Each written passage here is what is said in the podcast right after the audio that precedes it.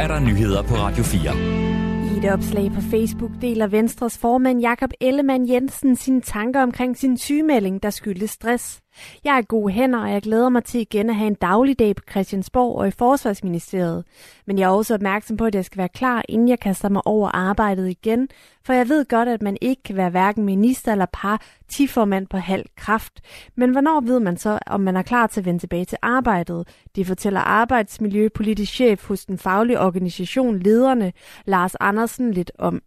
Der er sådan nogle signaler, igen kan man ikke sige noget entydigt, men et af de ting, øh, som man i hvert fald kan bruge som indikator, det er, at når man kan øh, begynde at, at sove om natten, øh, uden at, øh, at have problemer med at falde i søvn, og uden at, at vågne meget tidligt, og man kan gå igennem øh, en dag øh, uden at have det øh, skidt, jamen så er det øh, værd, at man kan overveje at, at vende tilbage igen. Den omstridte kødhandler Kurt Skare slipper for at blive erklæret personlig konkurs. Det skriver mediet Finans.dk på baggrund af en agtindsigt i en kendelse fra skifteretten i Esbjerg. En plan, der skal rekonstruere Kurt Skar hans holdingselskab, Kurt Skar Holding APS, blev i dag godkendt. Kurt Skar og Skar-koncernen kom i december sidste år i mediernes søgelys. Det skete, da Fødevarestyrelsen under et kontrolbesøg fandt 250 ton kød, hvoraf noget stammede tilbage fra 2010. Selskabet Skar Meatpackers blev efterfølgende anmeldt til politiet og Fødevarestyrelsen. Anmeldelsen gik blandt andet på, at det ifølge Fødevarestyrelsen ikke var muligt at spore det gamle kød til dets oprindelsesland. I starten af februar gik otte selskaber af Skar-koncernen konkurs, og Kurt Skar kom under personlig rekonstruktion ved skifteretten i Esbjerg. Skifteretten har ifølge Finans.dk givet Kurt Skar seks måneder til at gennemføre planen.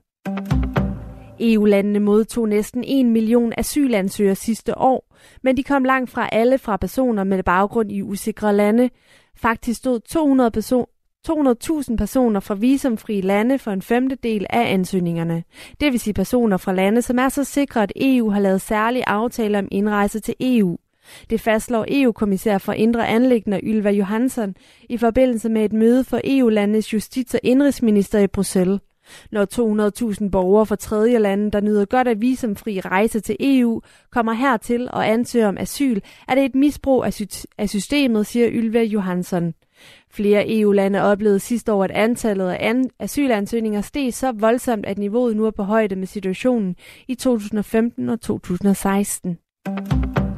Der bør etableres plejehjemsråd på alle Danmarks 950 plejehjem. Det mener kommunernes landsforening KL og landsorganisationen Dansk Ældreråd. Rådene skal gøre, at de ældre har en indflydelse på deres egen hverdag og de prioriteringer, der er på plejehjemmet. Så lyder det i meddelelsen, hvor Michael Fenger, der er næstformand i KL's ældreudvalg og borgmester i Gentofte Kommune, udtaler sig. Der er ingen tvivl om, at ældreplejen i dag er under pres, og derfor er det og derfor er det at sikre ordentlig pleje af vores ældre medborgere en af vores mest prioriterede opgaver, siger han. Rådene kan bestå af beboere, pårørende og medarbejdere. De skal ikke beskæftige sig med tilsyn eller kontrol, men de skal diskutere tiltag og aktiviteter, der kan forbedre livet for ældre på plejehjem, lyder det. Den svenske regering har netop fremlagt et forslag til en terrorlov, der vil gøre det strafbart at være deltager i en terrororganisation, det skriver Ritzau. Loven kommer på baggrund af de krav, som Tyrkiet har stillet til svensk NATO-medlemskab. Det gælder særligt i forhold til den kurdiske organisation PKK, der optræder på EU's terrorliste. Sverige stikker ud i forhold til andre lande ved ikke at have regler for at være deltager i terrororganisationer, siger Sveriges justitsminister Gunnar Strømmer til nyhedsbruget TT. Ifølge ham vil Sverige med den nye terrorlov, der har været under udarbejdelse i seks år, lukke et hul i den nuværende lovgivning. Mange tyrkiske kurder har fået asyl i Sverige. Ifølge Tyrkiets præsident Erdogan er en del af dem tilknyttet PKK og andre yderliggående organisationer. USA's præsident Joe Biden præsenterer i dag et budgetforlig, der indeholder højere skatter på de mest rige, og som vil belønne det arbejdende Amerika – det ventes med sikkerhed at blive afvist af republikanerne i kongressen, men det ligner Bidens oplæg til at føre valgkamp i 2024 ifølge Reuters. Præsidenten vil senere i dag amerikansk tid fremlægge sin plan i svingstaten Pennsylvania, og for at understrege pointen vil det ske i en fagforeningsbygning. I aften og i nat let skyde til skyde og lidt sne eller snebyer her og der. Temperatur ned mellem 2 og 10 grader frost koldest i Nordjylland. I morgen lidt eller nogen sol, men også stedvis lidt sne eller snebyer. Temperatur op mellem frysepunktet 4 grader.